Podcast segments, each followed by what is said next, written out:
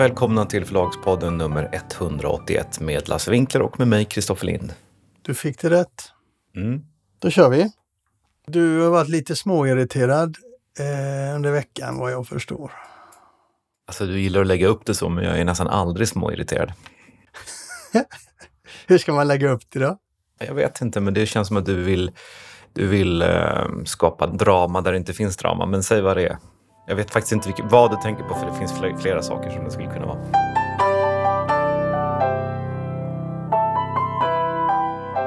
Det handlar ju om de här eh, rysk kultur som du ville prata om. Ja, ja, det där ja. ja Mm. precis. Men bara så vi är överens om det. Visst, det skapar förväntan, inte bara drama, det skapar förväntan. Mm. Så det är, ibland använder man sånt.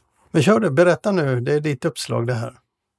Ja, nej men vi har ju gett ut en bok av en rysk desertör som heter Pavel Filatjev.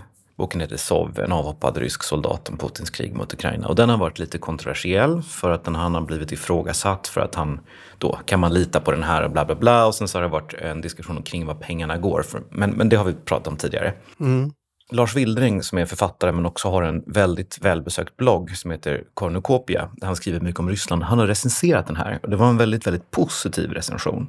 Han tycker att det är en, en brutalt ärlig redovisning av vad som hände. För vad boken gör det är då att den, den skildrar ju väldigt mycket hur... Han beskriver ju att de visste inte ens att det var ett krig när de åkte in till Ukraina. De visste inte om de var attackerade av Ukraina, de visste inte om det var NATO som var involverade, de visste ingenting och de hade inte ens sovsäckar och det ena med det andra.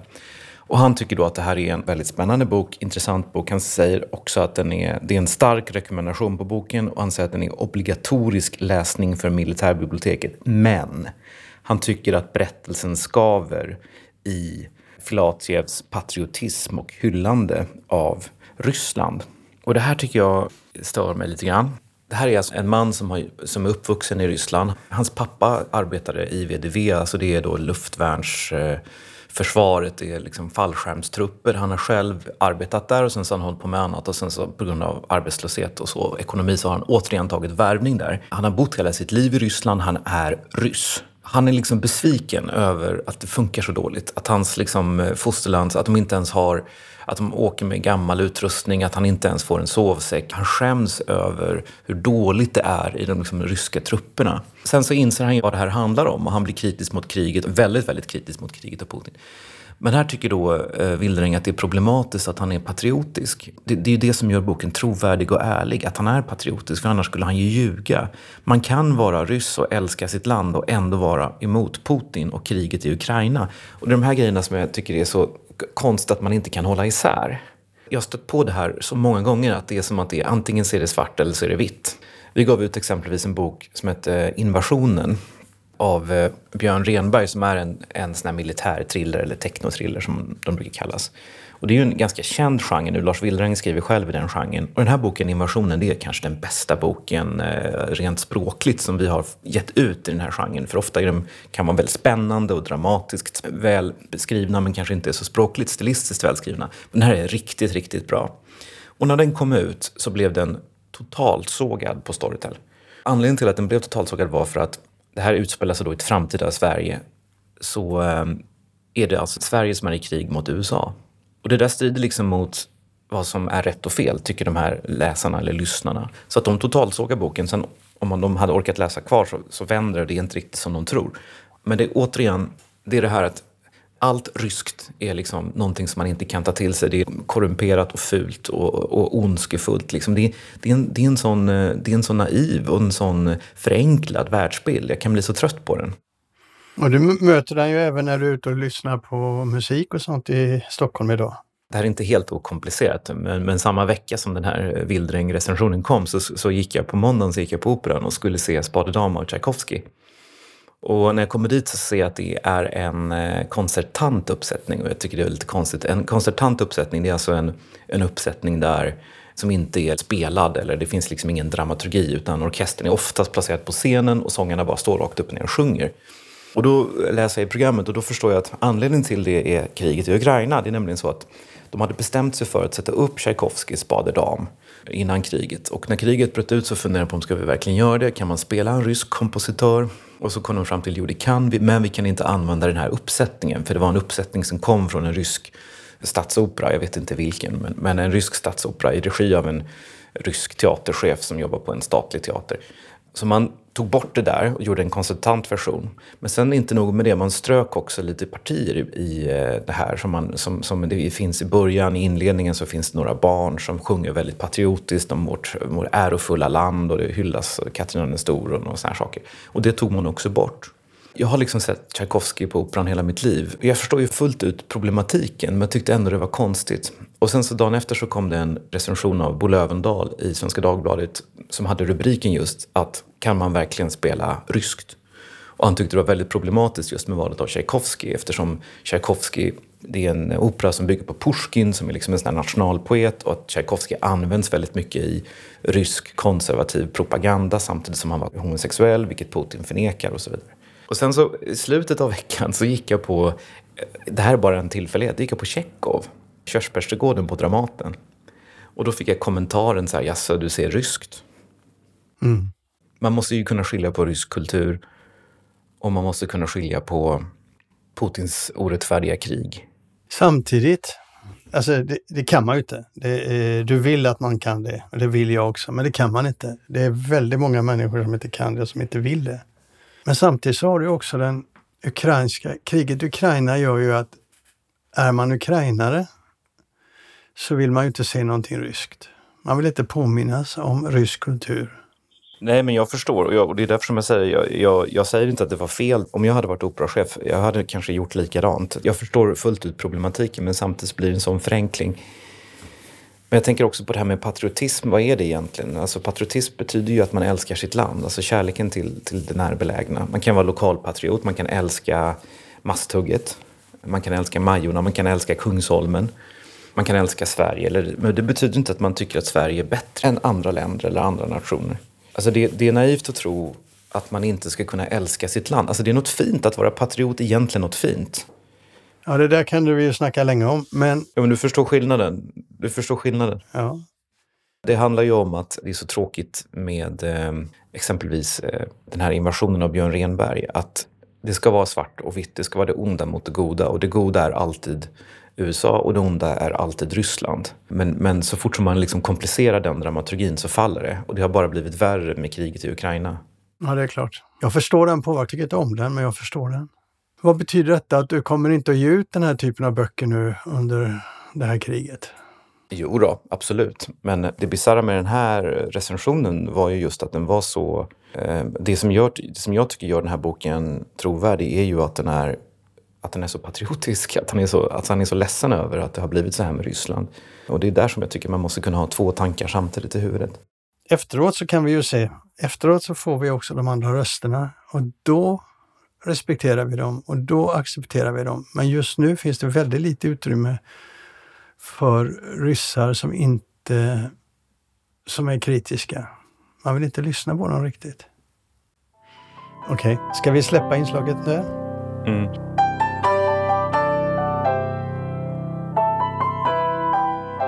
Du var ju med i ett inslag i Expressens podd Lägg ut förra veckan. Mm. De ville ha någon som pratade om agenten Niklas Salomonsson och Uppdrag granskning, alltså SVT-programmets eh, kartläggning av Niklas Salomonsson. Mm. Och vi pratade om det innan och du, du sa att du skulle gå dit och bara prata om det du själv kände till, vilket du gjorde då. Och jag tyckte det var ett bra inslag. Jag tyckte den podden var bra. Men sen fick den ben. Mm. Det retade mig. Jag vet inte om det retade dig, men det retade mig för plötsligt blev allting så mycket större. Expressen såg ju då direkt att eh, det här var smaskigt. Det här gör vi en helsida på. Så de tog ju sin podd då och eh, redovisade under rubriken SVTs jättegranskning av kändisarnas mäktige agent. Och där blev du bärare av kritiken mot Niklas Salomonsson på ett sätt som du inte är och inte kan vara egentligen. Men så såg det ut i media plötsligt förra veckan. Mm. Vad tänkte du om det? Nej, men du, din beskrivning är ju jättebra. Det var precis så det gick till. Och eh, hade Expressen frågat mig, uh, vill du ställa upp på en intervju vi ska skriva om eh, den här Uppdrag gransknings eh, granskning av Salomonsson och Alander, då hade jag ju sagt nej för att jag tycker inte att jag har tillräckligt mycket att bidra med. Eh, jag kan bara prata om det jag själv känner till och sådär. Men här var jag med i en podd, så det, det blev ju lite klippt ur sitt sammanhang samtidigt som jag har ju läst eh, den där artikeln och jag står ju för de där citaten. Jag tycker till och med några av dem är riktigt bra. Mm. Så det är inte så att jag säger något som jag ångrar, men det, det hamnade i ett annat sammanhang. Men det där är ju lite spelets regler. Alltså, så där funkar det ju. Jag måste ju lära mig att inte delta i media. Det var ju samma sak som när jag var med i Kulturnytt och talade om AI-översättningar. Det blev, tog ju hus i helvete. Så att, jag blev lite förvånad när artikeln kom, men jag har hämtat mig och tycker det är helt, helt rimligt. Jag blev mer förvånad över att det lyfte på ett sätt så när man säger ja till en podd så tänker man inte mm, oj, mm. här blåser det på. Nej, det lyfte och det var ju, det är, det är många som lyssnar på den här podden. Den heter Lägg ut ja. och det är Magnus Alslind och Karin Olsson som har den. är riktigt bra. Men det är många inom media som lyssnar, men den här Expressen-artikeln, den, den läste till och med min mamma. Uh -huh. Och ringde och frågade, vad är det med den här Niklas Salmonsson? Eh, så att den fick ju verkligen spridning och det var ju, som du säger, det var, hamnade i ett sammanhang jag inte kanske hade ställt upp i. Men det blev inget fel. Men jag upptäckte en intressant sak med den här artikeln. Okej. Okay. Då skulle du säga, vad då? Jo, jag gick in här innan vi skulle prata om det, så gick in och kollade på den. Och de har gjort ett tillägg, ett förtydligande. Helt uppenbarligen så har Astrid Lander hört av sig. Och det står så här, förtydligande. Enligt Bolagsverket är Niklas Salomonsson också storägare av Alander Agency som representerar ytterligare en rad kända författare. I Lägg ut säger Kristoffer Lind att citat, de hänger ihop och jobbar på samma sätt. Det är viktigt. Om man slår ihop de här två har de ännu större makt, ännu mer inflytande. Slutcitat. Alander Agency påtalar att agenturerna är fristående från varandra och uppger att Alander Agency inte är en del av UGs granskning. Va? Mm. Det var intressant. Ja, väldigt intressant. Hon har alltså hört av sig till Expressen och bett om att komma med detta förtydligande. Och, eh, för det första, vad gäller det där sista så vet hon ju uppenbarligen mer än vad jag vet. Men det intressanta här är att nu vet vi ju inte vad den här granskningen kommer att innebära, så låt oss sitta still i båten och så kan vi ta den här diskussionen då. Men jag tycker nog inte man ska ljuga eller mörka sina ägarförhållanden. Och går man in på och tittar i huvudmannaregistret så kan man se att Niklas Salomonsson äger minst 75 procent av Alander Agency och han är huvudman. Vi vet inte exakt vad han äger. Han kan äga mer. 75 är liksom minimum för de mäter bara, de registrerar bara liksom fjärdedelar. Och de sitter ju i samma lokaler. Och han är dessutom med i styrelsen. Men sen har jag hört av en författare att Astrid har sagt att nej men han är bara en liten delägare av andra. Och det är ju en direkt lögn. Och jag har också hört att några författare inte har förstått att Alander Agency ägs av Salomonsson Agency. Och sen kan man, ju, man kan ju alltid diskutera liksom vad är ett oberoende? När blir man oberoende, när man inte är oberoende? Det är en definitionsfråga. Men man ska inte ljuga om ägarförhållanden. Och Lind Company ägs till 70 procent av Storytel och till 30 procent av Kristoffer Lind. Det är ingen hemlighet. Det står på vår hemsida. Jag har talat om det för alla. Eh, men jag sitter i mina egna lokaler och jag äger 30 procent så att jag är mer oberoende från Storytel än vad Asti Alander är från Niklas Salomonsson. Och går man in på Alanders hemsida så står det inte ett ord om Salomonsson Agency och det är ju väldigt konstigt när de äger över 75 procent. Jag tror att det handlar om skadekontroll. Alltså, alltså man försöker helt enkelt eh, skydda sig för vad som eventuellt komma ska. Och hon är inte den enda som gör det. Alltså man kan ju fundera på vad som kommer att hända här men att det är rätt betydande oro på olika områden. Det visar ju Bonniers reaktion på den här situationen. Mm. Bonniers har ju alltså då valt att dels gå igenom sin relation med Niklas Salomonsson. Man har uh, tagit hjälp av jurister och man har plockat ut medarbetare som får redovisa vad de vet och har vetat om Niklas Salomonsson överhuvudtaget. Och det är ju för att man är orolig att det kommer upp saker här som kan smitta av sig och, och skapa en situation där Bonniers får ett badwill de inte vill ha och inte är förtjänta av. Så man går väldigt noga igenom sin relation med Niklas Salomonsson och det gör man ju inte med alla affärsrelationer om man inte är orolig för att det ska hända något speciellt. Nej, jag, jag, för, jag, förstår ju att det är så, men jag tycker att inte att man ska... Alltså det är intressant att man försöker dölja vem som äger bolaget. Det är ett steg till. Ja, det är ett steg till. Och att det inte ens står på Alanders hemsida, det är ju märkligt.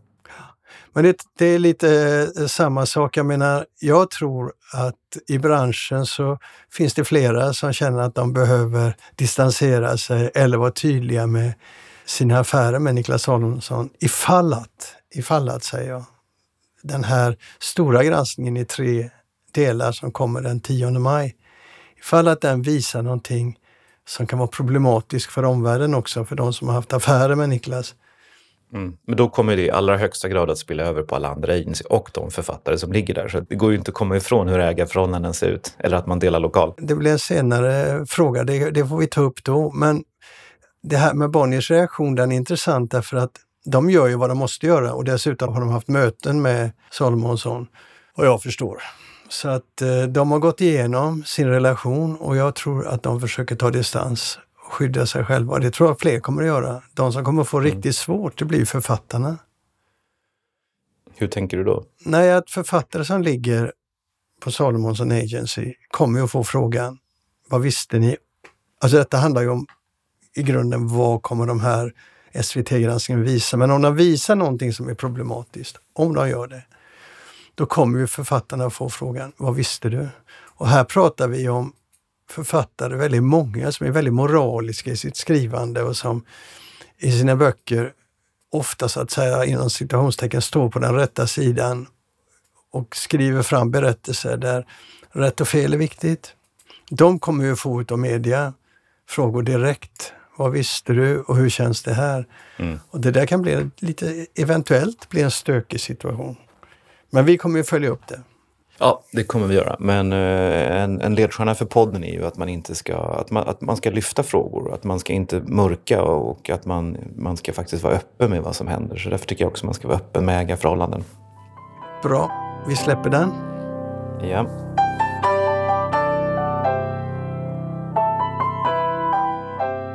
Vi spelar in detta på torsdag och vi sänder på måndag. Imorgon fredag så kommer den nya norska boklagen att läggas upp mm. för offentligheten. Men redan igår så gick eh, ansvarig minister ut och läckte till den största dagstidningen vad det innehåller delvis. Så Bok 365 som är ju branschplattformen, medieplattformen, redovisade det i ett inslag på sin hemsida vad den kommer att innehålla. Och Eh, det var några saker där som ändå är intressanta ur ett svenskt perspektiv. Det är lätt att bli förvånad. Man säger uttalat från eh, ut, den som haft ansvar för det här eh, lagförslaget och från ministerhåll att fokus ska ligga på författarnas och läsarnas intresse. Och när jag tittar på den så tycker jag, ja, gör den verkligen det? Du har sett vad som har varit det intressanta där va? Ja, ja, det är väl framförallt att man utökar den här karenstiden innan en bok får komma i ett annat format. En bok som spelas in per sista december 2023 får släppas tidigast första maj tror jag att det är, om det är första april året är på. Mm. Så det kan vara, det beror lite grann på då när man spelar in den eller släpper den. Men, men nu, nu gör man det till en rullande 12 månaders period. Ja, det blir alltså så att inbundet från första dagen och, och 12 månader framåt så behåller en inbunden bok sitt fasta pris. Därefter kan den rabatteras, reas eller vad man nu vill. Och sen, om det hade varit i Sverige då, så ger man ut e-boken och ljudboken samtidigt. Gör man det, eller om man ger ut dem senare, spelar ingen roll. Det är 12 månader på dem också innan de får dra ner priserna på dem. Likadant med pocketen. Den har också 12 månader. Så att de här böckerna kan ju ligga hur länge som helst till fastpris om förlaget vill. Mm. Ljudboken är ju då lite annorlunda. Den kommer ju ha 12 månader där den bara får säljas styckvis, inget annat. Efter 12 månader så får den ingå i de här i Storytel, i Nextory, i Bookbeat eller vad det nu är för... för Fabel. Fabel, ja. Det här att man tvingar, för det här är tvingande lag, att man tvingar förlagen att ge ut en ljudbok som först ska komma i styckpris. Gör den inte det så kan den inte komma in i eh, de andra tjänsterna. Jag tror också tjänst, det ingår som en del i det här att tjänsterna måste sen, när den erbjuds i streaming, även kunna erbjuda styckförsäljning av dem. Ja, Är inte det konstigt? Jo, men jag tycker det är konstigt och jag tycker att det är fel. Tänket är ju det att streaming är negativt och dåligt. Mm. Därför att det, det, liksom det populära, det lättsamma, det, det kommer att äta upp eh, det fina och det kulturella. Och sen så är det också det här med priset då, att man, man har ju en, en, en idé, en tanke om att ju dyrare bok desto bättre. Och att det blir en prisdumpning på böcker och att om man har de här långa karenstiderna så kommer ju då folk att köpa dem. Om det säger att det är en inbunden eller ny deckare, Wisting-deckare av Björn Lidhorst, då vill man att den ska köpa, man ska köpa så många dyra pappersböcker som möjligt och streama så lite som möjligt. Så att förlagen har ju lobbat väldigt hårt för det här. Sen har man liksom lurat då kulturpolitikerna att det här är också bra för kulturen och för norsk kultur. Men det är ju väldigt bra för de stora förlagen och väldigt dåligt för konsumenterna. Ja, det är jättedåligt för konsumenterna, men här säger man ju, mm. jag vet inte hur man får ihop det, man säger detta är läsarnas intresse och det är författarnas intresse och det förstår inte jag. Nej, jag förstår inte det heller. Sen har de en annan intressant grej. Lagen omfattar läroböcker för högre utbildning och fackböcker för uh, det som vi kallar professionell litteratur. Till exempel juristyrket, de har böcker som de bör ha och där ligger också prisbilden och uh, tidsdräkten kvar. Och det, det gör man för att man tycker att detta är bra för det norska språket och dess konkurrens från engelsk utgivning. Och då fattar jag heller ingenting. Men jag kanske vet för lite. För jag frågar mig direkt, varför ska studenter köpa dyra norska böcker när de kan köpa hälften så dyra engelska böcker?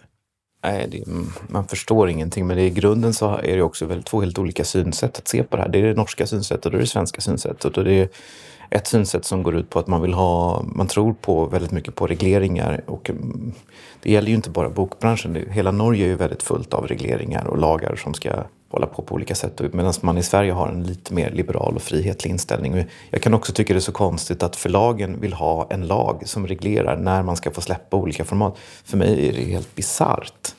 Men det är, man får ju bara liksom ödmjukt inse att här finns det olika sätt att se på det. Mm.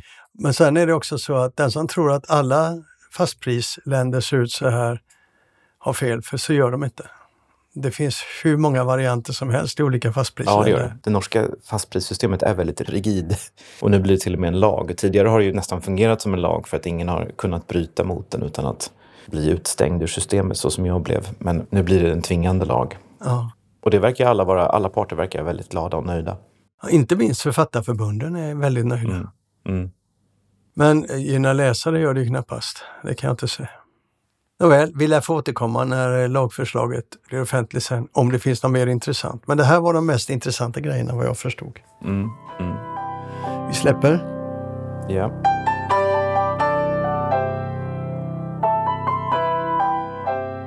Du, eh, Svensk Bokhandel gjorde en enkät med olika förlag, bland annat med dig då om satsning på Bokmässan i höst. Jag tyckte den var intressant mm. ur ett visst perspektiv. Vad jag förstår så drar de stora förlagen ner Norstedts så mycket som 20 procent på sina kostnader. Och det var inget att säga om, men jag tänker så här att i samband med det så pratas det en del från flera förlag att det är så dyrt på Bokmässan. Och det där är ju den eviga frågan som alltid kommer upp. Det är så dyrt på Bokmässan. Förra året så gjorde ju Bokmässan, när de skulle tillbaka efter covid så satsade de ju på billigare biljetter för att få mer publik. Och den andra sidan då, billigare för förlagen, det existerar knappt. Nej. Hur ser det ut med dina relationer med Bokmässan när det gäller priser och sånt? Ja, alltså jag, vi har, det är väl en oförändrad relation så att säga. Vi har inte varit på dem och klagat jättemycket och så. Och vi har inte heller dragit ner på vår yta, men vi tycker som de andra förlagen att det egentligen kostar mer än vad det smakar. Vi försöker hålla nere framförallt antalet författare som är där och sen så betalar vi inte för de här dyra scenerna som våra konkurrenter står bakom som Crime Time och Feelgood-scenen och sådär. Utan vi satsar på vår egen scen, Lasse Winkler-scenen. Den billigaste i stan. Den finaste scenen. Alltså, men jag har en annan tanke runt detta för att den här debatten har ju varit evig så att säga. Mm. Och ibland så är jag inte säker på att förlagen har haft rätt. Men nu tror jag att vi börjar närma oss en situation där det här kommer bli en akut fråga. Och då kommer det bli ett problem därför att de flesta tänker på Bokmässan så tänker de ju på Bokmässans ledning, den som alla ser, som arrangerar Bokmässan. Men det är så att säga en grupp människor som styr program och organisation. Men bakom dem så finns Svenska Mässans ledning.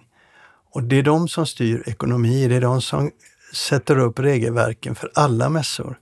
Man har till exempel tre stycken olika prisnivåer för monterkostnader, alltså kvadratmeterkostnader.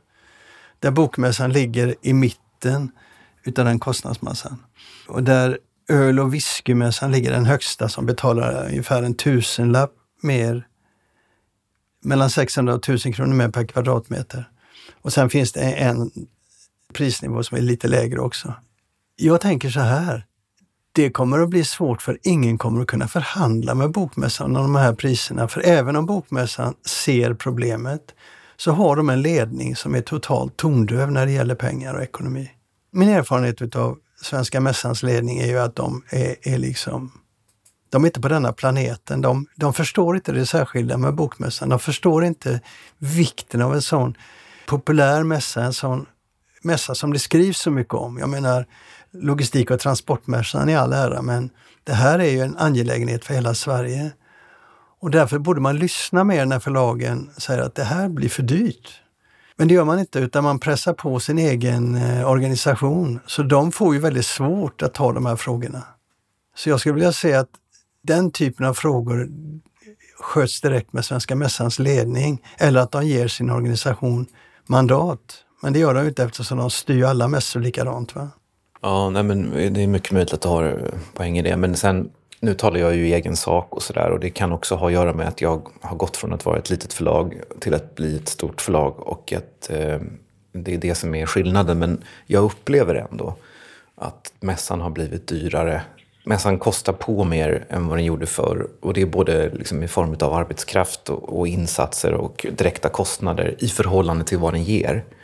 Och det, dels har vi detta med att intäkterna på mässan som ju ändå inte varit obefintliga, de har ju faktiskt sjunkit som en sten. Och det är ju så många förklaringar till det, men jag minns exempelvis förr i tiden så kunde ju folk komma med enorma kassar liksom, för de passade på att köpa billiga böcker. Nu liksom kan man köpa böcker överallt och folk orkar inte bära och, och så billiga är de kanske inte längre heller på mässan. I kombination med att det också har det har kommit massa författare som kanske är väldigt stora i ljud men som inte är lika stora i papper och det är svårare för förlagen att hitta platser, plattformar, utrymmen för de här författarna att nå ut till publiken. Så det har blivit, det har blivit liksom en, en, en större apparat. Och jag, jag, jag, tror att det var lite enklare förr men, men det, det här är som sagt från mitt perspektiv och det kanske alltid har varit så här. Men du vet att om du går från de här förlagen, de här större förlagen, till små förlag och mindre förlag så ser ekvationen ännu sämre ut. Därför att då blir närvaron på bokmässan så dyr så att man får ge fan i att ge ut en bok. Jag pratade med en, e, ett förlag som kommer att inte vara närvarande på bokmässan i år därför att de kan lägga de pengarna på att ge ut en bok istället. Ja, fast alltså, jag kommer ihåg när jag var med på bokmässan. Jag har ju varit med så himla många år, över 20 år. Och eh, jag minns mina första bokmässor. Min första bokmässa gick jag faktiskt runt på. Jag hade bara en liten monter och jag hade inga lönekostnader. Och jag liksom jag körde ner i någon skruttig bil och liksom sålde böcker där. Och det, det behövdes inte sälja så många för att jag skulle få det där att gå runt. Och sen så var det inte så dyrt att bo på hotell och så vidare. Och jag hade inga stora middagar och ditten och datten. Och, det, och sen så blev det ju svårare och svårare att få gå runt. Det var mer arbetsinsatsen egentligen. Det var, jag gick runt alltså de första åren. Och sen har det också en annan aspekt och det är det här att ett litet förlag, jag brukar säga att små förlag blir stora på bokmässan och stora förlag blir små. För ett litet förlag syns ju knappt kanske. Alltså de, de, finns inte, men helt plötsligt så står de där och har en monter och det går förbi massa viktiga människor i bokbranschen. Författare, recensenter, bokhandlare. För mig var det liksom en, en stor sak och jag träffade på bokmässan väldigt mycket folk som jag kanske inte hade tillgång till i Stockholm. Men om du är ett stort förlag så har liksom inte de där fördelarna utan det blir bara författarvård. Och då blir det en väldigt dyr författarvård. Men små förlag, i alla fall förr då när försäljningen var ganska god, kunde liksom på ett annat sätt synas. Mm. Men jag tror att den, det... den tiden är, är, lite förbi. Jag tror att de mindre förlagen som är på Bokmässan, ja. de får det aldrig gå ihop utan det blir en jättekostnad varje gång. Och de betalar kanske mindre än vad stora förlag gör men jag tror att den ekvationen kommer bokmästarna får lära sig den hårda vägen. Alltså inte de som jobbar med det, för de fattar ju de här frågorna. Mm. Men ledningen, svenska mässan, kommer få lära sig den hårda vägen till slut om de inte börjar lyssna på förlagen mer och lyssna på sin egen organisation. För jag tror den här organisationen fattar de här sakerna och tar upp de här sakerna. Men det är inga, om man säger så här, det är inga kulturmänniskor som sitter i Svenska Mässan. De har ingen känsla för vad, vad en bokmässa är i relation till transporter. Jag tror att öl och whiskymässan är mer i deras smak. Nu är jag lite elak, men jag tycker man kan vara det mot dem. Ja, vi släpper. Ja, vi släpper.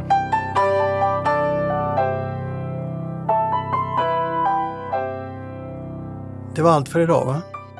Det var allt för idag. Och det var inte så lite heller. Nej, men vi hörs om en vecka. Hej med er! Ja, det gör vi. Hej, hej.